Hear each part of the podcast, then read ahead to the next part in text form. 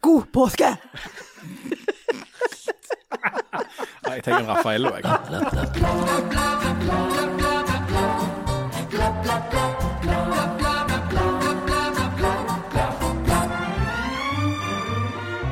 I dag skal tre hvite middelklassemenn syde og klage over at vi ikke får nok respekt. Det blir sikkert ganske patetisk, men heldigvis er Janne her, så det blir masse nye parodier og god stemning. Men så dør Jesus om et par dager, og alle blir triste igjen. La du merke til at hun lo?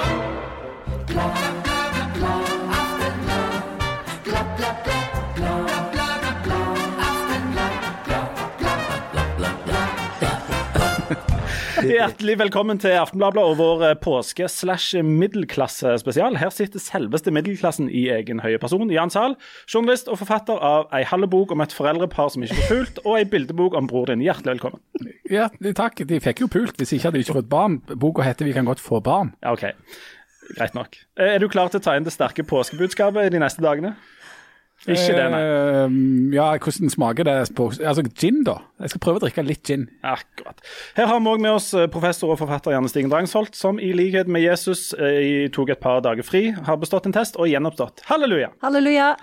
Eh, Du parodierte Bent Høie veldig fint sist, som vi har fått veldig mange gode tilbakemeldinger på. Og vi gleder oss jo til hva slags andre parodier du har på lager. Veldig god på Yngve Haagensen, hvis jeg skal si det Ja, selv. Å, det gleder det, meg. skal, det gleder vi oss til. Eh, Norge har òg mange dyktige, velformulerte og skarpe, og ikke minst respekterte aviskommentatorer. Og du Harald, du kjenner jo en del av disse. Velkommen. Takk skal du ha. Takk skal du ha. Du er jo middels på alle måter, eh, og en del av middelklassen, regner jeg med. Ja, så til de grader. Altså, det, er- det er middel, middelmådig over hele linja, Nemlig. vil jeg si. Og sist, og den eneste i caps. Ja. Leif Tore Lindø, du elsker jo det som kommer nå. Du har jo basert hele ditt liv på Jesu Kristi død, eh, oppstandelse og alt det der. Du elsker korsfestelse, pisking, dette med at en tar eh, sånn krone av torneting på seg. Du skal vel sitte og strømme streame Jesus siste fristelse og alle andre filmer om Messias, den døde og gjenoppstandende. Det skal jeg. Jeg skal bli deprimert på fredagen, eh, sitte og vente på lørdagen, og bli veldig, veldig glad på søndagen og mandagen. Men som jeg spurte om forrige uke, hva betyr egentlig et skjær? Det er ikke et skjær. Det er ikke til Nei, jeg sa ikke det. Jeg sa ikke, ikke fra Haugesund. Jeg sa ikke kjær, jeg sa skjær. Det er egentlig skjærtorsdag. Kjærtorsdag. Hva står skjær for skjærtorsdag? Ja, det er jo, Dette er først og fremst en maritim høytid. At du ikke skal gå utaskjærs eller innomskjærs? Det handler om at Jesus i påsken gikk på et annet skjær. Ja, Han var trang i skjæret. Ja. Eller, Og derfor så føltes fredag veldig lang, så ble det lang fredag. Ja. jeg kan forklare deg alt om dette her. eh, Du er jo søndagsskolelærer, så det, dette er jo et høydepunkt for deg. Men jeg kan ha en egen sånn skjærtorsdag spesial forklart. det kan vi gjøre. Ja, mm. Eh, men jeg, når jeg var søndagsskolelærer, så fikk jeg sånn en bok sånn jeg, som jeg bare fulgte. Og så bare leste jeg høyt på den. Og så hadde vi sånn, eh, arrangert med sånn leging slash Men du, det slåsskamp der til slutt. askeonsdag, det er òg en ting. Hva, Det har det noe vært- med påsken å gjøre? Det har vært for lenge Eller- siden. Ja. Det har Hva, er det? Det er jo en del av fasten. Ja, men hva, hva har aske med faste å gjøre? Ja, det er jo kle deg i aske og spis ingenting. Sekk og aske, liksom? Men på, men på engelsk, hva heter langfredag? Heter ikke det Good Good Friday. Ja, Altså, det eh, er det, det syns De jeg er lager en litt sånn positiv spinn på det. Ja, det syns jeg er litt sånn paradoksalt. Eh, OK, langfredag, det er sikkert det var en lang og drit dag for Jesus Kristiansen der, men på engelsk så er det en Good Friday. Jesus Kristiansen. Er det ikke det var jo det heter? han jo- det ble jo forkortet til hvis han hadde blitt sivil. Men, sant? Dette gjerne er såkalt religionskritikk på veldig høyt nivå. Jesus Kristiansen. Der fikk vi den. Den svei. Nå kjente jeg ble litt lei meg inni meg. Men jeg må bare si det at blant sånne religiøse høytider, så er jo påsken den med mest action i. Ja, det, er ganske mange, det er ganske mange kjedelige sånn bots- og bededager og sånn. Ja, det er så, også, men se, de tar seg jo bare opp. For det er jo liksom Først er det jo påske og gjenoppstandelse og action og hele greia. Så har du jo eh, 17. mai. himmelfarten. Ja. Hallo! Det er jo spektakulært eh, ganger én million. Og så tror du det er ferdig, men Nei, det er ikke det. pinsen! Ja. Pinsen er jo den aller beste, syns jeg. Pinsen For det, det er jo akkurat som en sånn syretripp. Altså, hele gjengen får eh, halliser og begynner å bable, snakke i tunger, eh, holder det gående, kommuniserer med usynlige vesener. Og det, det, da går det virkelig for seg. Jeg har alltid syntes pinsen var den kuleste. Ja, liksom. pinsen er Det er kjempebra. nærmest en sånn rusreformhøytid. Jeg tenker alltid, altså jeg har like godt pinsen, men det er fordi det alltid pleier å være godt vær. Ja, så er det jo en sånn Du har sånn et tomt inneklemt liv, du. Ja. Ja. 17. mai og godt vær. Jeg 17. mai er dritkjedelig. Det har jeg alltid hata. Helt fra jeg gikk i korps. så skrev jo sånn fin reportasje om, om Ja, 17. mai. Ja, den var jo kjempefin. Fikk ikke du en pris? Jeg vant jo en pris Absolutt. for din den- 17. mai-prosa. Ja, men la dere merke til mellom linjene der det tungsinnet, den melankolien som lå over 17. mai-skildringen der. Nei, Der var det ikke mye mellom linjene. Det var bare ingen folk. Og Jan gikk ut og skrev her er det ingen folk, og så var det en fotograf som tok bilder av at det ikke var noen folk. Så vant de en Mikke Mouse-pris. Det må være lov å si. Så lett er det. Så Og du er, du er heldigvis representanten for den kristne, medmenneskelige og nestkjærlige eh, religionen. Tusen takk. Jo, men jeg, Det står i Bibelen en eller annen plass at hedninger de har du lov å spotte. sant, Janne? Ja, helt enig. Dessuten så er det veldig viktig å ikke skjære alle kristne over én kam. Hva betyr skjær? Nå Jeg skjærtorsdag. Vi skal jo snakke om Du, Janne. artikkel som, som er imot generalisering. Men du er nødt- Så jeg tenkte jeg skulle legge en sånn, et lite påskeegg Ja, men du må, nå- du må ha et pause i det der Vårt Land-abonnementet ditt nå. For det, det er ingressen på alle debattinnlegg i Vårt Land. Vi kan ikke ha det sånn.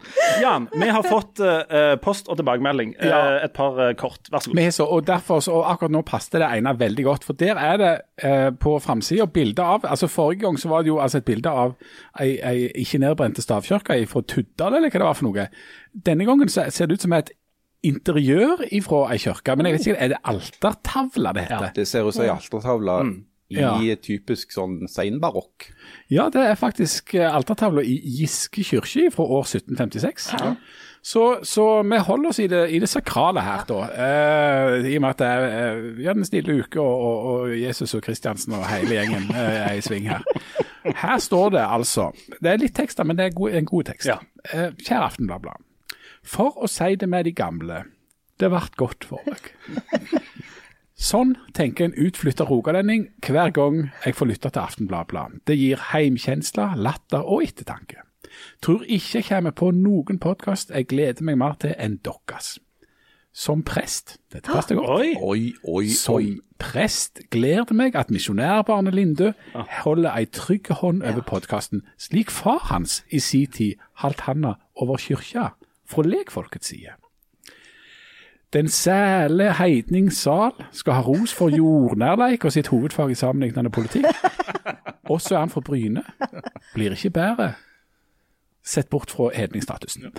Fråhalsfolket og gamle dame med hund, siste ordskrekk, Harald Birkevold, har òg fått ei stjerne som meg. En prest skal jo ikke le så mye av alkoholens mørke gjerninger, men sjelden har jeg humra så godt som etter Birkevolds eventyr i Bergen. Ellers skal professor Drangsholt òg ha honnør, ikke bare fordi hun har vært intervjuet i Vårt Land, men for kloke refleksjoner og for tålmodighet hun viser med å være sammen med gutteklubben i Aftenbladet. Det står det respekt av, og ikke minst i dag når vi skal snakke om. Ja, det faktisk Ja, det er jeg faktisk helt enig i. Det er all ære til Janne som holder ut med oss, altså. du driver og smisker sånn med Janne du hele tida. Ikke løgn, du har gift så mange jeg er ganger. litt svak, jeg er litt svak Les for videre. professorer.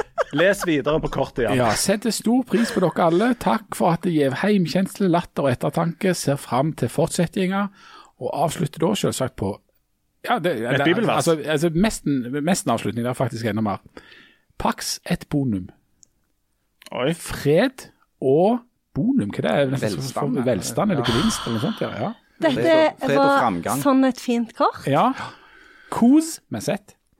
Og koronaklems fra en geistlig fan og jærbu i eksil på Sunnmøre. Benjamin BJ Au, Suda eller Auda. Peace and goodness betyr det på engelsk. Peace and goodness. Fred og, og Veldig, veldig bra. veldig, veldig flott. Det, det, ble vi veldig glad for. Ja, Vi vil gjerne ha flere postkort fra, fra det geistlige. Ja, det er, Ja. veldig det er veldig kjekt å høre at vi at Selv for en hedning, så, så må jeg si at i den grad jeg har et hjerte så, du så veldig glad ut. Ja, ja, ja. ja jeg, jeg kan spille glad når som helst. Et, et kort til. Et kort til. Det er et la- landskapsbilde, stort sett av noe skog og noe marke, og som er et innfelt uh, stykke med noe havn med ei ferje på. Hvor er vi i landet? Nå er vi fra Dette er altså Huglo. Huglo. Huglo. Huglo. Det er, en er ei øy ut forbi Bergen, eh, ja. oppe i Skjærgarden der. Ja, en eller annen plass sånn. Det er overskrifta BPE. Det høres kanskje ut som Bergens psykiatriske enhet, men det er ikke det. Det står for, står det her, Best podcast ever. Kan dere please lage to episoder i uka? Det blir så lenge å vente på neste. Med vennlig hilsen fra Marianne og Lars. Oh, Nydelig. Marianne og Lars, vi elsker dere Ja, vi gjør tilbake. det. Ja, vi gjør det altså. Alle på Huglo. ja. Jeg har faktisk vært på Huglo. Har du det? Ja. Hva promille hadde du når du var på Huglo? Nei, det skjedde jeg, jeg tror jeg var edru. Jeg mener jeg kjørte bil. eh, så, men jeg, jeg kan svakt huske at jeg har vært på Hugo. Jeg, har, jeg husker ingenting mer, men jeg vet at jeg har vært der. Det er jo noe. Det tyder, det tyder på at du brukte kollektivtransport uh, på et eller annet vis. Um, Du, jeg åpner noe salt lakris og noe sjokolade ja, som vi fikk sist. Så så Ja. jeg må gomle imens. Ja, For det, nå er det sånn koselige påske. Ja, ja. Du, um, vi skal altså snakke om, eh, om uh, Vi skal syde på vegne av menn i dag. Uh, Jan, jeg håper du kan justere oss inn på når, når det blir for gale. Og så skal vi snakke litt om middelklassen. Men, men før det, Jan, vi har fått utrolig mange gode tilbakemeldinger på din Bent Høie-parodi eh, sist gang. Utrolig mange. Ja, utro, faktisk utrolig mange. Og um, dere hører litt lyder nå, så det er bare jeg som serverer. ja. Hva er dette? Men, men eh, det viser seg at du har uh, talenter innen dette med parodi. Um, Bent Høie har du jo åpenbart øvd lenge på. Kan ikke du si 'kun lov å ha besøk av to' en gang til? For Bent Høie. Nå husker jeg ikke hvordan jeg gjorde engang. Men du, ok, Som et godt alternativ så vil jeg gjerne at du sier kan kun ha, det er kun lov å ha besøk av to personer som Yngve Haagensen. Ja, det er bra. Du har skrevet deg opp at du kan Yngve Haagensen. Men jeg Det som er med min Yngve Haagensen-parodi, det er at jeg er aller best på å, å krysse inn. Og det er det som gjør at folk skjønner at, det eh, jeg, at jeg, det er Yngve Yngve Er det mer et visuelt Så- nummer? Er det det ja, du Jo, men nå jeg kan godt gjøre Det det. Jeg gjør det, og så kan dere Ja, ta det, inn. jeg kan si til lytterne at jeg Ja. ser nå at du skjegler, og Det er kun lov å ha to på besøk i påsken. Ja, veldig bra. Det er den beste Yngve Haagensen-parodien jeg har sett i hele dag. Det er faktisk det. Um, Skal jeg gjøre på Bent Høie, da? ja, kan du ta Bent Høie? Det er bare å ha besøk av i har du flere, eller er det, tar du liksom ønsker? Hvis jeg sier eh, kun eh, Hvis jeg sier Wenche Foss, Wenche Foss. tar du den på strak arm? Det er bare lov Nei, det er Per Abel, det. det er jo sånn, det Det er er samme bare, person. ja, det er bare lov med to i påsken. To besøk. To personer på besøk. Um, Det høres ut som de der i Tre nøtter fra Askepott. ja, hvis dere på dere! To personer! Nå ble det tatt. Du, det, det er eh, jo sånn påsketradisjon at de viser den der tre nøtter fra Askepott. Ja, det er alltid. Og Og det er ikke sånn- påske før du har sett den. Nei, altså Mikke. Hva er det Eller det der Mikke. Viser de han i Donald Duck påsken også? Ja.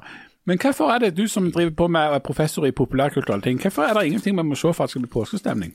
Det er det. Det er jo krim.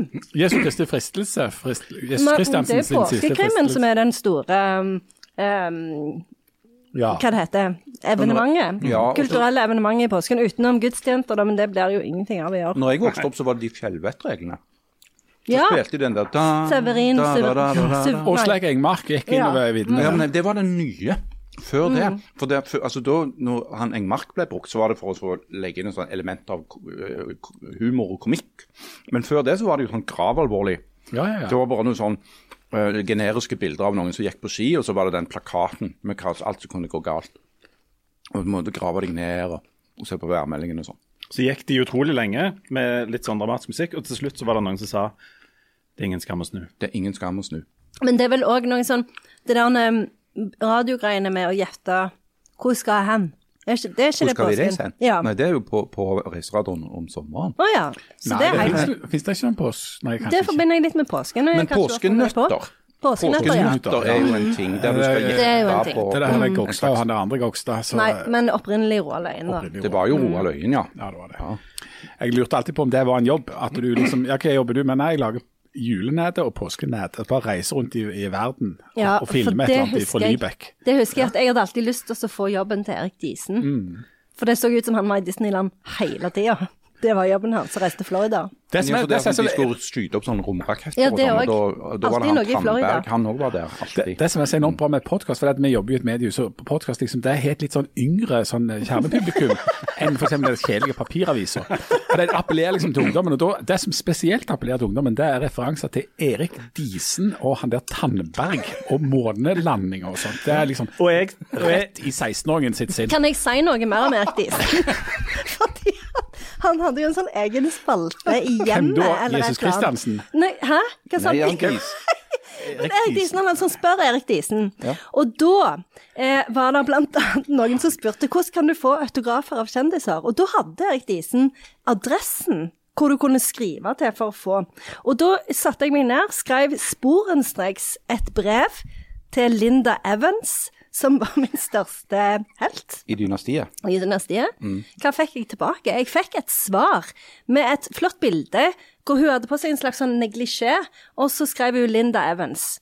Eh, eh, det kom sånn seks måneder etterpå. Så det hjalp Erik Diesen meg med okay, i sin tid. og til alle som, måtte være, alle som måtte være under 55 år når de hører på dette, så er altså Erik Diesen en for lengst pensjonert og vel avdød NRK-journalist som hadde sin glanstid vet jeg, på 70- og tidlig 80-tallet eller noe. Ja, og Linda Evans. Og Linda Evans, ja, lever er hun oppe ennå? Ja, det regner jeg Hun var jo krystall i, Ja. i, i såpeserien Dynasti var altså Ja. Første Var gift med. Blake. Ja. Oh, vi kan Den ikke ha sånne første referanser til- såpeserien som fantes i Norge, eller som vi kunne få se, da. Men også må jeg bare rette opp en liten ting. Jeg er jo i alle fall 15-20 år yngre enn dere. uh, men Viggo Valle sin påskelabyrint er jo i påske. Nettopp. Ja, Og jeg, nemlig. jeg er ikke verre stilt enn at når jeg kommer på hytta, så uh, står jeg opp og får få med og setter på radioen og hører Påskelabyrinten. Og er det én mann jeg nører et sterkt hat til, så er det Viggo Valle. Som driver og knoter det til for folk oppe i Smøla og rundt omkring og spør de ekle spørsmål og, og kjefter på dem fordi han, han tror at de googler. Det, og det er ganske god underholdning å høre Viggo Valle øse seg opp over at folk sitter og googler. Det, det må dere få med dere. Det, Så så det er på mange måter Viggo Valle og påskelabyrinten som får deg til å komme på hytta? ok. Å, det ble mye nå. Ja, det ble, Dette ble mye. Det. Jesus Kristiansen Ja. og eh, Og Viggo Jan, Valle. Jan, Jan går for tida i veldig mange sånne fagforeningsmøter der eh, det er veldig saklig. Når han kommer her til så skjer det sånne ting. OK, vi, eh, Jeg tenker meg en Raffaello som De var hadde gått inn De var Veldig gode. Ja, de var det. Uh, jeg tar òg en til. Slags kokos Uh... Kokos Surprise, Ja, vil jeg kokos si. surprise. Mm. De var både harde og mjuke på en gang. Ja, de var det. Ja. Dette er eh, middelklassen når vi sitter og spiser sånne dyre tilsendte sjokolader som vi ikke har betalt for før. Eh, jeg regner med at dere som alle andre følger middelklassereglene og reiser på Hotten eller på landstedet i, i påsken. Jeg skal på hoten i morgen. Ja. ja. Jan, du skal på Hotten? Jeg skal også på hoten. Um, og i fjor fikk vi jo ikke lov å reise på hoten. Det var da vi lurte på om, om 17. mai det året kom til å bli helt likt eller litt annerledes enn før. For det var jo flere uker da vi skulle ha sånn pandemi. Men i år så er jo det store framskrittet at vi får lov å reise på Hutten igjen. Men det rare er jo at det er veldig få som reiser på Hutten, selv om hele den norske mytologien får det til å se ut som alle driver og, og raser rundt på hyttene og går på sånne lange sånne fjellviddeturer og har appelsin i en eller annen helling. Så det er jo ikke sånn. De aller fleste skal være hjemme. Er Sånn, det ikke ca. 15% som reiser på Horten? det er noe sånt. Å ja, er det ikke mer enn det? Nei, ca. 15% Men vi snakker om dette med å reise på hytta, særlig i forbindelse med eh, påskeferien og sånt, som det er noe nesten alle gjør. Og det er, nå er det folk som øser seg ganske kraftig opp over at eh, eh, myndighetene f.eks. er så frekke at de nevner dette med hytten eh, i forbindelse med påsken. At eh, folk kan reise på hytten, eh, og, og at det er åpning for det, og at det er en sånn middelklasse greier. Uh, har du klart å øse Du Harald er jo lettente. Bare sett på Viggo Valle. Ja. Eller og i, i, i ordets alle forstander. Men Nei, ikke jeg heller. Nei, vi snakker ikke om Viggo Valle. Men um, virker det som om Er det sånn middelklassetegn at eh, regjeringen er veldig opptatt av Horten? Ah, ja, kanskje det. Men, men så syns jeg jo at den såkalte venstresida gjør litt mye ut av denne hotemobbingen òg. Fordi at det, I Norge så er jo det med hoten Det gjelder jo ikke bare overklassen. Eh, I den grad vi har en overklasse i dette landet, så er det ikke hoten som kjennetegner de. Det er helt andre ting. Uh, Hote er jo noe som veldig mange nordmenn enten har eller har tilgang til. Uh, foreldrene sin hote, f.eks., eller en bedriftshote. I Aftenbladet så har vi jo hele fem bedriftshoter som folk kan dra på og holde på for en rimelig penge. Uh, ikke noe veldig overklasseaktig ved det. Uh, og så er det jo òg et spørsmål om denne Altså det at folk reiser på hytta i påsken er det noe som bidrar til mer smitte? Ikke nødvendigvis. Jeg tror hvis du f.eks. kommer fra et sted hvor det er jækla mye smitte, sånn som på det indre Østland, og så drar du på hytta og så holder du deg der, og så går du en tur og to og drikker litt rødvin om kvelden og går og legger deg, så, så smitter du jo absolutt null personer med den eh, atferden. Så, så det handler jo her, heller om hva folk eh, foretar seg når de da ikke er hjemme hvis de går på afterski og, og slikker hverandre i øynene, så dere er så glad i å, snakke, som jeg syns er enormt ekkelt, uh, så, så, kan, så, er det jo ikke bra. Men det er jo ikke det de fleste gjør. De fleste oppfører seg jo uh, ordentlig. Nå har jeg googla litt her. Ifølge SSB så finnes det i Norge 440 443 hytter og fritidsboliger i Norge. Og så, hvor mange folk er vi her? 5,3 Ja, så etter bor en del, at en del av de 5,6 er i familie med hverandre, og sånt, så er, det, så er det en ganske bra dekning på hytta, ja. Men en, en annen ting som jeg har sett folk har øst seg opp over, er at uh, en del journalister er veldig spør veldig om dette med hytter når det er som pressekonferanser og sånt. Og Det fikk meg til å tenke på en annen ting, og det er at norske journalister de tilhører nok middelklassen. Og oppi dette korona, eh, denne koronadrømmen som vi nå lever i. Um, er, det, er, dekningen av koronaen prega av at vi journalister er en sånn middelklassegjeng? Jeg tror nok at alt som skjer i samfunnet er jo prega av eh, middelklassen, fordi at middelklassen tar jo veldig stor plass. og det eh, har vi jo snakket om før i denne podkasten, for det er jo helt siden middelklassen begynte å vokse fram under den industrielle revolusjonen, så har jo middelklassen lagt krav på så utrolig mange forskjellige ting.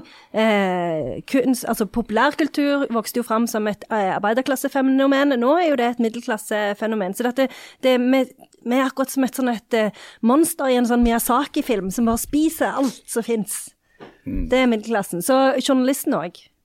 Og, og, og, middelklassen er jo for sånn som så har jo snakket om f.eks. i USA og, og, en del andre europeiske land, at middelklassen er så veldig under press, eh, og at den er så liten. Eh, og sånn som i USA så har jo det å gjøre med at eh, det har blitt så utrolig vanskelig å leve i noen av de store amerikanske byene. Men sånn som i Norge så er jo fremdeles middelklassen ganske stor. Så det er jo ganske mange folk som lever i Norge som er i middelklassen, eller som regner seg selv som en del av middelklassen. Jeg lurer på Hvordan er det vi definerer denne middelklassen egentlig? Hvem er de, de folka? Ja, det må jo, det må jo være um, Sånn som for i Norge så snakker vi jo ikke om eh, arbeiderklassen lenger. En tenker jo seg kanskje at arbeiderklassen er en del av middelklassen. Men så i Norge så har det vel egentlig med, med inntekt å gjøre til en stor grad. Ja, hvor mye må du tjene for å være med i middelklassen? Nei, jeg vet ikke hvor mye må du tjene. Nei, jeg bare spør. Hvis du tjener sånn cirka middels, altså Det er det som er um, en, en, greie med Norge, at, en, at, vi har relativt like lønn. altså At det ikke er så enormt stort spenn mellom de som tjener dårligst og de som tjener mest sånn eh, medianmessig. For det er jo selvsagt noen som tjener grassat mye, men de er få. Um, sånn at uh, de aller fleste av oss er sånn mer, mer, eller mindre sånn høyere og lavere middelklasse. Og, så, og selv om en snakker om at, at, forskjellene har økt, så har de økt mye mindre enn andre plasser. Og er, vi er mye likere her. sånn at det er nok en ganske like sånn identifisering. men det, det, er nok rett at det, dermed da er middelklassen som dominerer både i mediebildet og masse, i masse andre bilder. Um, noe av et sånt trekk her er jo at hvis du er voldsomt rik og voldsomt frampå, så, skal du jo, så bør du helst tone deg ned. Mm. For du blir ganske kjapt tatt uh, der. Og hvis du er blant de altså, slags, Hvis det er en slags underklasse eller lågklasse, så tror jeg at eh, da har du problemer med å nå gjennom. Eller liksom, hvordan i verden skal du høre de stemmene mm. bli, bli, hørt, egentlig? da. Så vi lever nok i et slags sånn middelklassediktatur, ja. Men det er jo òg et annet element. Altså, hvis du ser på inntekt, så kan du sikkert sette en strek en eller annen plass og si at sier du f.eks. tjener mer enn 800 000 i året, så er du definitivt med i en slags middelklasse i Norge. Du trenger ikke tjene så mye. Jeg tror at ikke middellønna, altså Gjennomsnittslønna i Norge rundt sånn 500 000-600 000 nå. Ja, men altså, og det er jo ikke Altså, det er jo ikke kjempemye lønn. Men det er ikke kjempelite eh, heller. Med tanke på hva det koster å bo her i landet. For eksempel, Hvis du bor i Oslo og tjener 600 000 i året, så ler vel banken bare av deg hvis du spør om å få lån. Mm. Men i Tuddal kan du leve ganske godt på 600 000. Ja, men det er nå tross alt i Oslo og tilliggende herligheter eh, halvparten av landets befolkning bor. Og der er ikke 600 000 veldig mye lønn. Tre fjerdedeler av norsk befolkning bor ikke i Oslo og tilliggende herligheter. De fleste bor ikke i Oslo. Men det er jo veldig ja, interessant, det, der, for du har jo forskjellige måter å definere arbeider, nei, mener, middelklassen på. Så det er jo sånn som du sier, at det, at det, går jo delvis på dette med inntekt, men så går det jo òg med altså sånn kulturelt og aspirasjonsmessig hvor du tenker sjøl at du er, da. Ja. Når du, spør, når du spurte om det hadde prega mediene, at eventuelt journalister i middelklassen, var det fordi du mente at det er prega av mediene? Nei, jeg, eh, jeg, ser at det er de som mener det. Og det, det springer særlig ut av dette, en, eh, det, disse spørsmålene om hytter. For det er sånn middelklassemarkør. Um, at du har ei eller annen hytte som er, koster en plass mellom halvannen og tre og en halv million en eller annen plass, som du reiser på. Mm. Um, og så har jeg sett det blitt uh, eh, trukket opp som altså Det er veldig mange av de lavtlønna yrkene, f.eks. i hotell- og serveringsbransje, og sånn, som koronaepidemien har gått veldig hardt utover. Hver gang dette stenges ned, så blir det dratt opp som et element at det er de lavtlønna som på en måte kommer dårligst ut av dette. Smittetall, særlig i Oslo, eh, altså domineres jo av bydeler der det er mange lavtlønna, og på en måte der middelklassen kanskje ikke står like sterkt. Men det er jo i Oslo, dette. Jeg vet ikke om Men, men du kan jo ikke si at det akkurat er blitt underkommunisert? Nei, jeg syns heller det. Jeg... det. Det blir vært veldig tydelig framme. Og tvert imot så er det jo også sånn at en må trå veldig forsiktig, som vi har snakket om tidligere. da, fordi at det er jo da noen sammenfall av noen ulike faktorer i de bydelene i, i Oslo som dette har, uh, koronaen har rammet verst. Sant? Som handler om uh, hvor de er fra, og hva slags klasse de eh, på en måte eh, tilhører da. altså At du lager noen sånne sekkebenevnelser der som blir ganske komplisert når du generaliserer for mye. Men det er jo òg noe som er veldig interessant med middelklassen, er at det, samtidig som du tar enormt mye plass, så må du òg trå veldig forsiktig. Ja. Så det er en balansegang. Det, middelklassen kan aldri slappe av. Men, men, når du spør om det der med, med mediene og, og, og tilhørighet i middelklassen eller borgerskapet, så tror jeg nok du har et poeng. For det at En av de mest hardnakka mytene er jo at uh, journalister er så venstrevridde. Uh, hvis du ser på de store norske mediene, så er de jo alt annet enn venstrevridde. De fleste er solid plassert på borgerlig side. Men hvis du undersøker eh, politisk tilhørighet blant journalister, så er det ingen myte at de langt, ligger langt mer til venstre enn befolkningen generelt. Det er visse partier som knapt har oppslutning blant ja, norske journalister. Men det er ikke sikkert at det merkes veldig mye i journalistikken de produserer. Ja, Det kan hende. Det får bli en annen eh, spesial. Eh, vi i middelklassen er jo i ferd med å gå på en ny smell nå. For um, et regjeringsnedsatt utvalg vil legge ned taxfree-en. Og det kommer til å bli en smell for oss i middelklassen. Hvis ikke vi altså reiser til Hellas uten å gå innom Eh, at å sende ungene bort i snopeavdelingen mens du tar den andre avdelingen, tar romslig for deg der, det, det, er jo en smell for oss. Jeg syns det er veldig stress med den taxfree-en. Oh, ja. Alltid noen som kommer og maser om du skal ha hjelp, det vil du jo ikke. Og så har de aldri den der leppestiften som jeg vil ha. Dessverre syns jeg alltid de er litt frekke. Oi. Er de frekke med deg? Ja, også, ja det syns jeg faktisk. Og så syns jeg de gjør veldig dårlig utvalg av vin ofte. I hvert fall ikke så bra som på Vinmonopolet i Sandnes. Mm. Jeg, så, jeg syns det er helt greit å bare legge ned hele taxfree-ordningen. Ja, jeg òg. Det syns jeg òg. Men bare legg merke til alt det Janne sa nå. Det var så øvre middelklasse. Ja, de har så dårlig utvalg i vin, og så har de ikke den leppestiften nøyaktig som jeg vil ha. Og så, og så og behandler de meg ikke så fint. Janne, litt stress. Du, Janne, hender det at du sitter i Det var en parodi for meg. Ja. Ja. Hender det at du sitter i ditt chateau i Sandnes og så ser ut fra f.eks. det østlige vinduet, ser ned på middelklassen og tenker 'å, for en gjeng'. Du, der er eh, definisjonen på middelklassen Det holder de på, tenker jeg. Jeg fant Definisjonen på middelklassen er forresten hvis du tjener eh, mellom 20 og 40% av det Janne tjener i løpet av men, men Janne er jo ikke overklasse heller, hun er mer sånn øvre middelklasse, da. Er ikke det? Ja, det er det. det, Nedre overklasse. Professor, forfatter. En slags overklasse, når jeg tenker meg om. Vinkjenner, ja. menighetsrådet. Har vi hytta? Nei, det har vi ikke. Og, og jeg har hørt at du behandler gartneren din utrolig godt. Du, vi skal snart, uh, vi skal snart inn i skikkelig middelklassesyte når uh, tre menn, hvite menn i middelklassen skal klage over at vi ikke får nok respekt i samfunnet og media. La du merke til at hun lo nå? Ja. Og der skal gjerne få lov å korrigere oss. Og og husk å komme med flere parodier. Og vi skal høre eh, de villeste kjendishistoriene fra virkeligheten. Men vi må ta en kjapp pause, så er vi øyeblikk tilbake.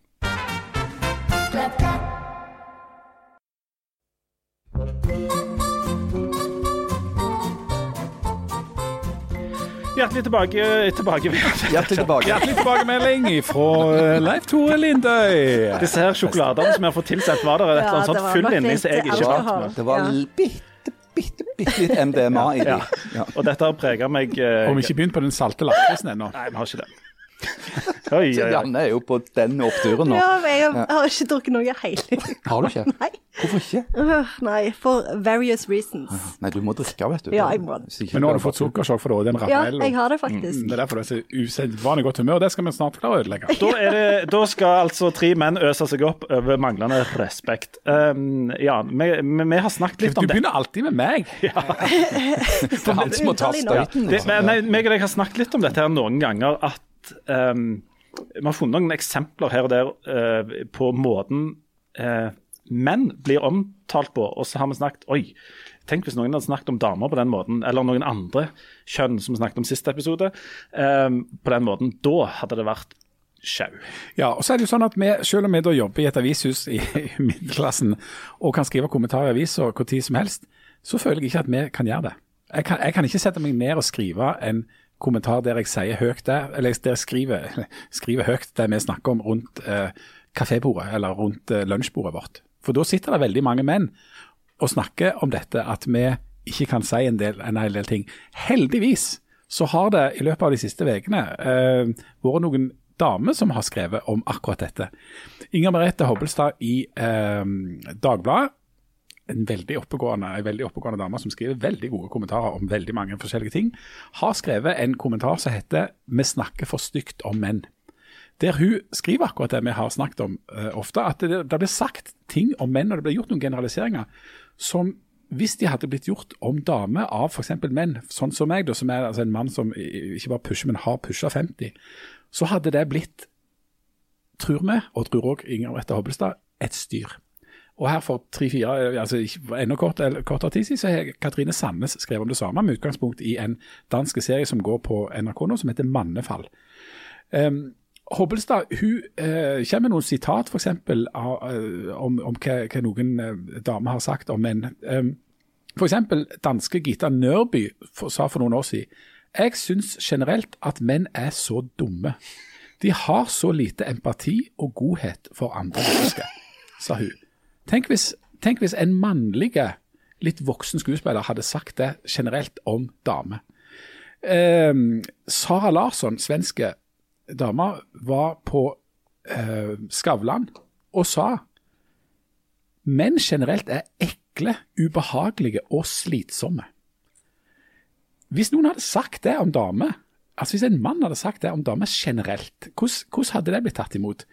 Eh, annen, ei, eh, en influenser som hadde på trykk en kronikk i NRK eh, Ytring 7. mars, skrev altså at eh, jenter berømmes for å ta mellommenneskelige ansvar i situasjoner hvor gutter unnskyldes umoden oppførsel. Altså guttene oppfører seg umodent. Her starter en kjønnsdelt ukultur, der kvinner søker medmenneskelig ansvar og menn får fripass. Vi blir raskt voksne, men får være barn for alltid. Altså, hva er dette her for noe? Og det, da, tingen er da at eh, da sitter nok de fleste av oss menn, og så leser vi dette her, og så sier vi det veldig lite høyt. Vi sier det rundt lunsjbordet, vi har sagt det på noen barer, og det har vi holdt på med helt siden metoo. Fordi at jeg tror de aller, aller færreste menn kjenner seg igjen i det bildet som, som en får lov å tegne av menn som dumme, eh, enfoldige, eh, selvopptatte, eh, potensielle sånne her, liksom overgripere. Eh, aggressive og, og del av patriarkatet. At vi liksom dominerer og bestemmer alt. Og enormt mye for tida blir skjønna at alt det som er negativt, det kan du knytte til, det mannlige. Mens ting som er positivt, da er det og, og menneskelig og flott og sånt, det er kvinnelige egenskaper. Um, men menn, må være, menn er veldig forsiktig med å si dette høyt. Unntatt. Nå sa du det høyt. Alt det som jeg har tenkt på. Men er, er dette her en eh, Får vi bare en sånn fortjent payback for uh, Det har vel hatt noen millioner år der uh, disse mennene har herja med alle andre, eller, eller hva er det for noe? Er det en rekyl, dette her? Um, Jeg, jeg kan ikke si at jeg har lagt merke til Jeg syns jo veldig synd på dere eh, som må gjennomgå dette. Høres veldig kjipt ut, men, Men eh, jeg merket at vi ikke opplever noen hashtag der det er synd om oss. Nei. Men eh, jeg håper den hashtagen kanskje kan komme, så vi kan få satt dette skapet på plass.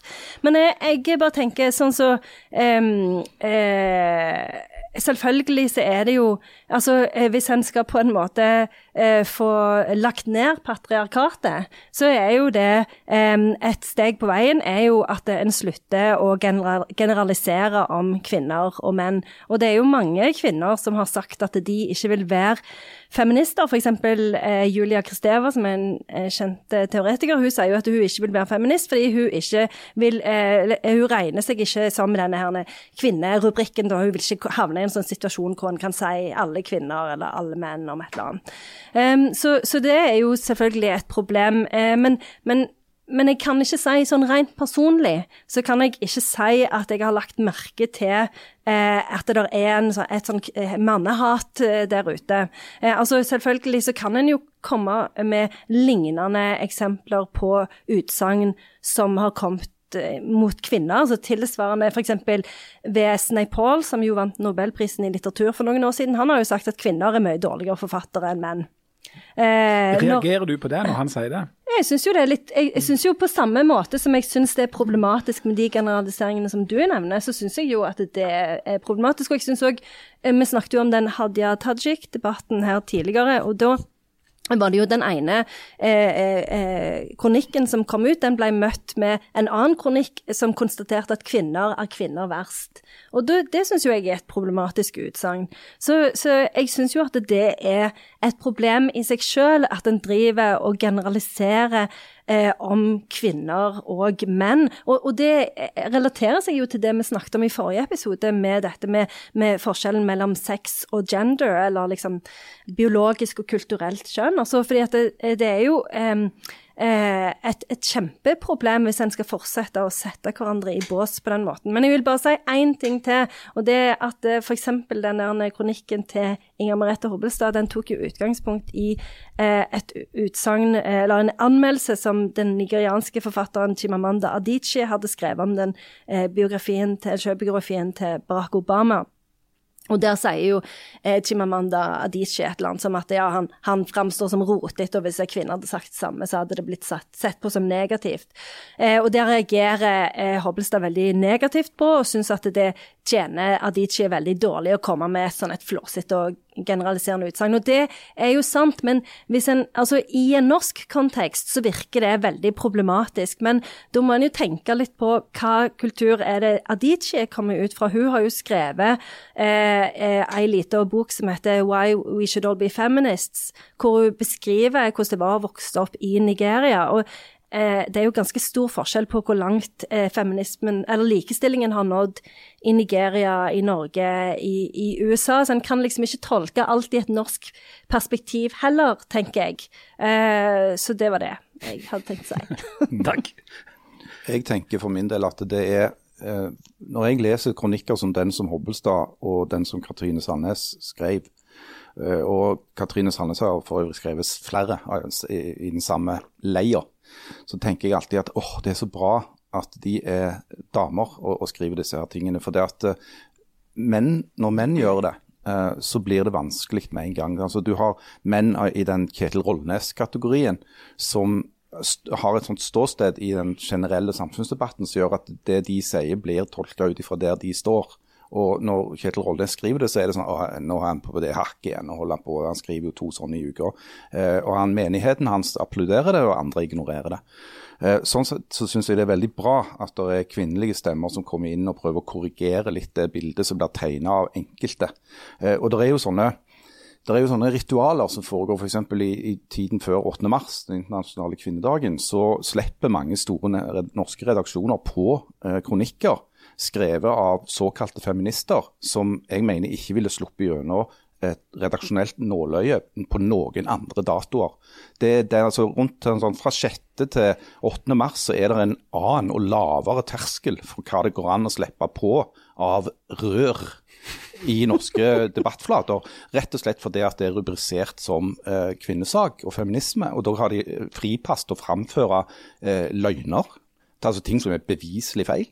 Eh, og grove generelle karakteristikker av menn som gruppe, eh, som er problematiske fordi de, eh, og òg, syns jeg, for å være helt ærlig, ganske patroniserende. Fordi at de sier OK, du, du, er så sint og engasjert at får lov, du får lov å slippe på dette røret da, en gang i året. Så får du, har du liksom fått det ut. Uh, og Det, vil, det syns jeg er å gjøre debatten en, en bjørnetjeneste. For det at du legger lista så forbaska lavt for hva det går an å, å framføre. Hvis du, bare, hvis du, bare, føler noe sterkt nok, så er det greit, liksom. Men dette med å være eh, hvit mann som pusher 50, som er jo blitt et sånn uttrykk som mm. er ekstremt negativt lada, egentlig. Mm. Um, at det, det, å være hvit mann som pusher 50, eller pluss minus 50, da, at det er en negativ ting, og noe som kan bli brukt mot deg. Det er ganske nytt. Altså, det, det, det, og, det, er ganske interessant, fordi at hvis du hadde gjengjort den samme øvelsen altså, da, hvis, hvis, en skal være opptatt av likestilling og av på en måte humanisme, ikke, altså, av at folk skal behandles likt uavhengig av hva slags kjønn de har, hva slags alder de har, hva slags seksuelle legning de måtte ha, hva slags, altså, hva slags etnisk opphav de måtte ha, så blir det veldig rart at du bruker merkelapper, og spesielt hvis det er av, av, av, av damer som da har klagd på at de har blitt spesielt behandla fordi at de var dame eller av en spesiell alder eller så spesielt ut, og så bruker den merkelappen ja, du er mann og du har en viss alder. Og fordi at du er, har det kjønnet og den alderen og den fargen, så er du på en måte diskreditert ifra å mene noe. Da har du jo gjort akkurat det samme overgrepet mot menn og mot en kategori menn som du klager på at patriarkatet, i den grad det eksisterer, har brukt mot kvinner. Og Det mener jeg er klin kokos rent logisk og rent praktisk. Mm, men så er det jo, og det vil jeg gjerne at du kan reflektere litt rundt, Janne, det der med det mer sånn generelle identitære problemet.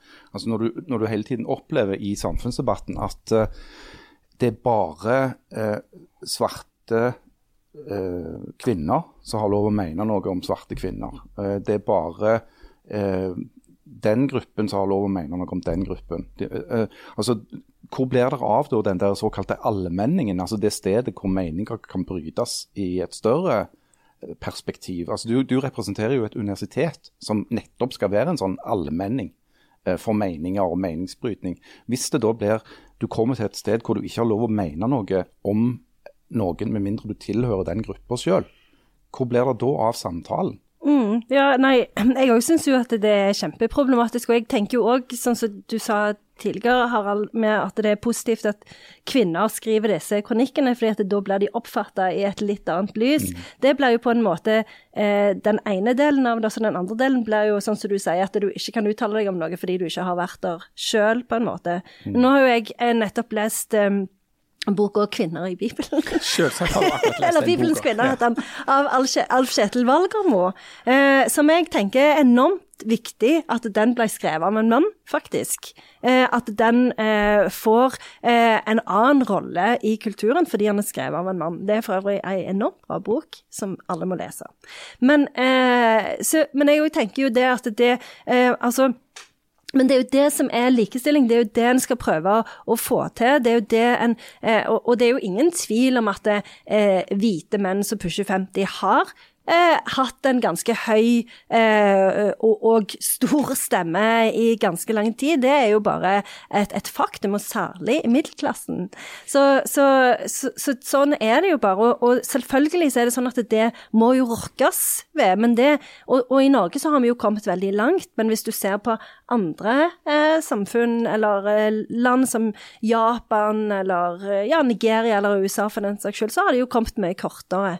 Eh, så, så så men, men, dette går jo òg inn på denne her politisk korrekthet-debatten eh, som vi jo òg har, har, snakket om, om, tidligere, som gjør at det er, kan ofte føles vanskelig å uttale seg om noen andre enn den du er, og særlig hvis du er, tilhører denne hvitmann-gruppa. Men, men sånn kan vi jo ikke ha det. Det er jo en grunn til at hele den nigerianske middelklassen, inkludert Jamanda Adiche, bor i London. Mm. Men, men, jeg, men, jeg, mener, altså, hvis du skal snakke om ja, det ringer telefonen. Det er sikkert Er det lov, lektorer? Hvem var det? Nei, det var dattera mi som, uh, som lurer på hvordan koronareglene er. Ja, Det tar vi etterpå. Ja, vi tar det etterpå.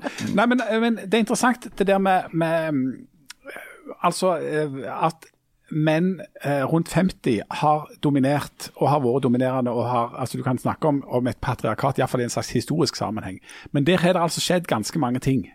Um, og det har skjedd ganske mange ting i løpet av veldig kort tid, i, i, spesielt i Norge. Jeg snakker mest om Norge, for det er det jeg kan mest om. Um, og da er det altså sånn at Du skulle trodd at, at likestillingsarbeid handla om å likestille uh, kjønna. og at eh, alle da skulle ha like både, muligheter og, og, sånt, uavhengig av hva slags eh, kjønn de måtte ha. Men, men det står altså da i likestillingsloven fra 1978, og det er altså da ikke endra ved revideringa, at eh, likestillingsloven tar særlig eh, sikte på å bedre kvinners stilling.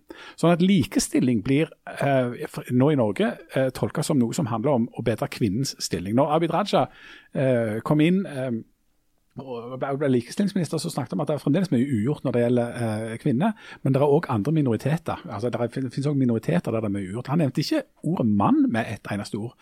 Og Noe av det jeg syns er virkelig problematisk eh, med den der nedsnakkinga av menn, det er at det finnes en hel del problem. Altså, Jeg tror det er store deler av menn som ikke føler seg som en del av patriarkatet. Og ikke bare snakk om at de ikke føler seg som en del av patriarkatet, men de er definitivt ikke en del av patriarkatet. Det finnes en hel del problem som, der menn scorer forferdelig dårlig. Altså Se på, selvmordsstatistikken. Blant menn under 50 eller blant, blant de under 50 så er altså selvmord og overdose den viktigste dødsårsaken blant menn. Eh, det er menn som sitter i fengsel, det er menn som går i krigen, det er menn som dør i arbeidsulykker. Det er langt færre menn som stemmer ved valg. Hvor mange, hvor mange eh, kampanjer har det vært for å øke den mannlige valgdeltakelsen? Det er 88 000 færre menn som stemmer ved valg enn som en dame. det er langt flest menn som tjener altså Det er noen få menn som tjener himla godt, men det er langt flere menn som tjener dårligere enn en, en kvinner, altså som tjener under 20 000 i måneden. Der finnes det langt flere av blant menn. Det er, og ikke minst innenfor skolesektoren. Altså, Gutter gjør det dårligere i samtlige skolefag, minus gym. Så lenge det er, lenge det er altså retting eh, av en lærer. Hvis du, hvis du har nasjonale prøver og sånne tester der du ikke vet hva kjønn det er, så gjør de det ganske likt. For det er ingen forskjell i intelligensen på gutter og, og jenter. Men jenter har altså, det er to og en halv ganger så mange jenter som gutter som får fem i snitt på, på skolene, som gjør at de kommer inn i en helt annen grad i høyere utdanning. Og I dag så er det sånn at det er altså 60, over 60% av studentene i høyere utdanning som er jenter. Når en, når en innførte likestillingsloven i 1978, så var det 40% jenter. Det var et problem. Nå er det 40% gutter. Det er altså ikke et problem. Eh, altså, altså gutter, gutter, taper, og menn taper, og kommer til å fortsette å tape i det utdanningssamfunnet som er inne i nå. og Det er damer som er vinneren, men det er altså ingen opptatthet av ja, men hva gjør vi da med guttene og mennene? Altså, jeg har skrevet mange kronikker som handler om akkurat det der. Eh, og de blir jo som regel godt mottatt i den forstand at de blir delt og likt og sånn. Men jeg merker meg jo at når sånne ting, denne bekymringen blir framført av kvinner, som f.eks. Katrine Sandnes, så er gjennomslagskraften i de mye større. Eh, og da tenker jeg at det er lurt av de som er bekymra for eh, menn, og en del av de strukturelle utfordringene som menn som gruppe har, som Jan er inne på, at en da eh, framsnakker eh, de eh, kvinnene som ønsker å ta den debatten på de premissene. Fordi at Det er jo åpenbart at dette er noe som bør bekymre alle. Og det har, det har, vært litt sånn deprimerende for meg noen ganger å se hvor lett sånne bekymringer blir avfeid av si, klassiske feminister som sånn irrelevant og, og utenomsnakk og whataboutism. Eh, når jeg mener at dette er problemer som òg kvinner må ta på alvor, for det at det tross alt angår oss alle sammen. Altså, De fleste mødre er jo òg mødre til, til gutter, som har helt åpenbare problemer med uh, å lykkes i dagens skole. Og Da bør det jo være i alle sin interesse at vi ser se på hvordan en kan innrette dette for at det skal bli mer rettferdig. Ja, og det er jeg jo helt enig i, men en, kan jo, altså, en kan jo komme trekkende med statistikk på, som gjelder kvinner, f.eks. at kvinner jobber mye oftere deltidsstillinger, og at det ble gjort mye mindre forskning på sykdommer som rammer kvinner oftere enn menn, og at en del medisiner som blir brukt av kvinner, ikke har blitt forska på hos kvinner i det hele tatt, men hos menn. Så, så det er jo Altså, en kan jo komme eh, med statistikk i begge retninger, men jeg er jo enig i at det, det er mange eh, utfordringer da knytta til gutter som, som en har sett de siste eh, årene, da, siste kanskje ti årene, som, som er viktige å, å, gripe fatt i. Men, men, poenget er jo at det er jo, altså, det er jo det som er Likestilling er jo begge de to tingene. Og hvis en ikke skjønner det, så har han misforstått hva det går ut på. Så hvis du i dag blir født og, og er gutt, Eh, så er det snart 50% sjanse for at du aldri får en kjæreste. Iallfall aldri barn. Kjæreste? Ja, sånn menings på en meningsfylt måte, da, så du har en fast partner. Ja. Og da ender du opp med å dø veldig mye tidligere enn damer og andre menn. Ja, menn som ikke har kjæreste, de, de visner som en slags sånn, uh, tu, sånn en uh, Tenk. yuccapalme som bare Det, her har vi jo, det er jo et eksempel i påsken med en som var alene ja, hele livet, og han ble 33. Ja, ja, ja. Det Men det skal sies da at Men det han hadde hadde noe på gang med Ja. der Maria Bodde han hjemme hele livet? Ja, mer eller mindre. Og hver gang han gjorde noe, var det et under. Ja, og så gikk han ut og snekra. For, for, tror jeg for, å få tida til å gå. sånn- I han- snekkerboden, sånn hei, faller opp! var han det? Hæ? Nei, vi kan ikke snakke om Jesus som incel. Det går faktisk Ja, grensa. ja det, det, det går faktisk ikke vi med på. Og, da, og nå har vi fått et postkort fra en prest, eh, så vi må holde det sånn eh, noenlunde. Men du Janne, du går hjem og tenner et lys for oss eh, Ja, det gjør menn, jeg, sant? det gjør jeg. Kan du, kan du eh, si at du tenner et lys for alle menn med eh, stemmen til skal vi se, Yngve Haagensen? Ok, Må alle tenke seg at jeg Ja. krysser Nå øynene. skjegler eh, Janne veldig, og så sier hun med Yngve Haagensen-stemmen Og så har hun fått et kledelig bukkeskjegg. ja. Og de tjukke briller.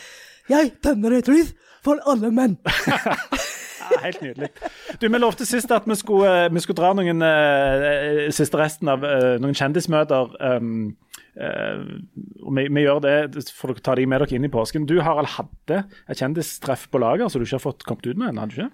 Jo, jo, jo, jeg hadde det. Altså, jeg, jeg, det var en gang Og det, dette er òg en sånn Egentlig et, et, et, i kategorien sånn kjendistreff hvor på en måte jeg traff kjendisen, men jeg er ikke helt sikker på om kjendisen traff meg, hvis du skjønner. Kjør på. Iallfall ikke på noen meningsfullt måte. Nei.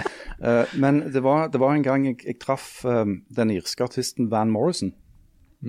Eh, kjent for meg altså, Hvis det er lytter under uh, 12 Tusen år. 000 år, så, så Han var populær på samme tid som Erik Disen. Skrev, skrev igjen med. Men bare ta og google han.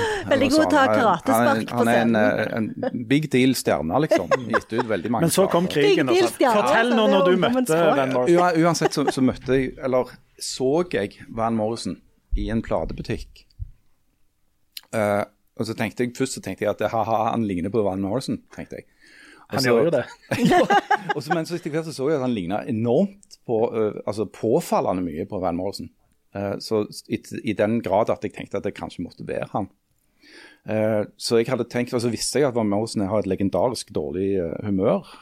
Ikke glad i særlig journalister da, og, og ikke folk i det hele tatt. Han er på en måte min mann. Så, så jeg var veldig i tvil om jeg skulle, hva jeg skulle gjøre.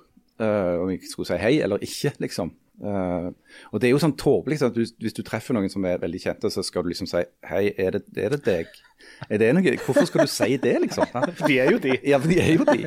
Og jeg er helt sikker på at han ikke hadde lyst til å snakke med noen, eller noe som helst. Så, så jeg endte opp med å gå bort og så stille meg ved siden av han og så bla. For han sto bla, sånn, det er gammeldags plateforretning, sånn, der folk- du står og blar i plater. Det er Erik Diesen-album. Ja, gamle Diesen-plater. Eh, så jeg ble bestemt meg mest for å se hva det var han så på. Hva var det han liksom, hva var det stod og bladde i? Og Jeg vet ikke om dere kan gjette hva, hva det var. Van Morrison. Var det Morrison. Van Ja, Morrison? det var Nei, det, var, ja, det hadde jo vært kjempekult. Men det var, ikke Van Halen, da? han så ikke på seg sjøl. han gjorde ikke det. Men hva, hva i all verden? Altså, You too, you too. nei, det var ikke U2 heller. Nei. Um, ikke noe Erik Disen. Pink Floyd. Pink, nei! Jo, Ja, Det det var overraskende. veldig rart. Ja, det er Ja. faktisk overraskende. Det hadde ikke jeg sett. For det, det er ikke akkurat Pink Floyd-musikk han driver og lager. Men eh, det var det, altså. Og så sto jeg da bare der litt ved siden av Van Morrison, og så sa jeg ingenting. Eh, og til slutt så gikk han. Det var sikkert eh, Van Morrison veldig godt fornøyd med. Janne, kan du toppe den dramatiske historien? Ok, eh, vi var eh, på ferie i Japan. Jeg var og spiste på en restaurant i Osaka. Som middelklassen gjorde? Ja. Som as you do, ja, i Og middelklassen. så eh, plutselig så så vi på utsida av døra og sto og kikket inn, sånn eh, liksom gjennom glasset, da. Bill Murray. Han som ble nummer fire det året i Masterchef Australia. Brett. Brett fra Masterchef. Selveste Brett fra Masterchef. Sto utfor døra, ja. Og kikket inn. Og vi ble så agiterte at de som jobbet i den restauranten, de kom bort og spurte om det var noe galt med maten. Eh, men det var det jo ikke. Vi var bare sånn It's Brett outside. Mm. Men, Ja. men visste de hvem Brett fra Mars Nei, de visste ikke Nei, de hvem han var. det, Nei, nei. Ingen som vet hvem Brett Nei, altså, men så, så eh, eh, fant vi Instagrammen til Brett, eller Britt, jo, så, for han er jo fra Australia, så han uttaler jo navnet sitt Britt. Og så skrev vi sånn eh, melding til han at ja, du burde kommet inn på den restauranten, og så hadde vi en liten dialog med, Britt. Britt på Instagram mens han gikk rundt og prøvde å finne en enda bedre restaurant enn den vi var på i Åsaka. Så det var min eh, lille ja, kjendisfortelling. Du, jeg, jeg er en veldig veldig kort kjendisfortelling. Ja. Jeg, jeg er gift med ei som heter Britt. Men Ja, det er du. jeg lurer på eh, agitert om, Heter det, Er ikke det et ord? heter det agitator på japansk? Nei, det vil jeg ikke tro. At det, men det er jo mange ord som er hvor de bare tar og så Hvis det er engelske eller amerikanske ord, så har de jo ofte bare Slenger tatt inn f.eks. er det beta? Ja, Er det det, eller er det ikke beta? Ja. Det rød rødbeta. Eller hamburger? Det var at jeg er gift med ei Å ja, det var det. Det var en veldig bra kjendishistorie. Neste Hun er kjendis. Er du jeg har ikke Har du en det eneste kjendishistorie. Jo, neste, altså nå er lista så lavt Ja. at neste uke skal jeg, neste uke skal jeg fortelle om den gangen jeg traff kateketen i, i Riskakirka på Sandnes. Wow. Hold dere fast. Nå skal vi ta, ta påskeferie eh, i forskjellige valører, men selvfølgelig i, med sånne Jeg trodde vi skulle ta og så anbefale at alle skulle ha en sånn påske. Og det er det vi skal gjøre. Okay. Vi, skal, vi skal gå inn i påsken med noen korte anbefalinger. Jeg skal ta på meg eh, reklame-promo, eh, anbefalingspåskebrillene, og si at dere må høre denne Savnet-serien som vi har mast om før. Var ikke Eh, det du sa sist og gangen før det? også? jo, men det er påskekrim av aller eh, beste merke. Dessuten så har jeg fått 200 kroner cash i neven av han som har lagd serien, for å promotere den. Så dere må høre Savnet-podkasten til Aftenbladet. Jan. Ja, siden ingen kan gå på kino i eh, de nærmeste dagene, så skal jeg anbefale en film på kino. Eh, det er en svart-hvitt film som varer i en og en halv time, der det ikke blir sagt ett ord. Som handler om, for det meste, en gris. Den Å, er det den der heter Gunda? Gunda. Den filmen heter Gunda. Det er en dokumentarfilm ifra på en måte grisebingen om Gunda og ungene hennes. Det handler òg litt om noen høner i Spania en, en kylling som bare har ett bein. Og så handler det bitte litt om noen kyr i England. Det høres jo helt drepen ut. Ja, det gjør det faktisk. Men det er faktisk en helt fantastisk film. Så gled dere til at, uh, at eh, en kan gjøre døren høy og porten vid i kinoene. Da må dere gå og se Gunda. OK, Harald. Ja, altså i og med at jeg skal på Hoten, uh, så vil jeg slå et slag. Uh, og det gjelder ikke bare de som skal på Hoten, men egentlig alle som nå bare skal sitte hjemme fordi at verden stenger ned. Og skal bare sitte der og se i veggen. Jeg vil slå et slag for yatzy. Oi. Spille yatzy. Altså nå er det jo blitt veldig sånn eh, mye mas om sånn spill, og folk skal spille sånn avanserte spill. Ikke gjør det. Kjøp en yatzyblokk, fem terninger og en kulepenn, og så er dere i gang. Spill yatzy med familien. Uh, det er ikke noe, egentlig funnet opp noe bedre spill enn yatzy. Gjerne. Jeg vil anbefale igjen eh, Alf Kjetil Valgermos i bok 'Bibelens kvinner', fordi den eh, er jo eh, litt sånn fint tema i påsken. Pluss at eh, det står jo nesten ingenting om kvinnene i Bibelen, men likevel så har han klart å funne ut såpass mye at den boka er på 400 sider. Så den anbefaler jeg alle å lese. OK, da tar vi påskeferie. Vi er tilbake neste uke. Og til å ønske dere en riktig god påske, så har vi fått med oss eh, Yngve Haagensen. Vi snakkes om ei uke. Nå får dere Yngve Haagensen sin påskehilsen til det norske folk. Vær så god. God påske!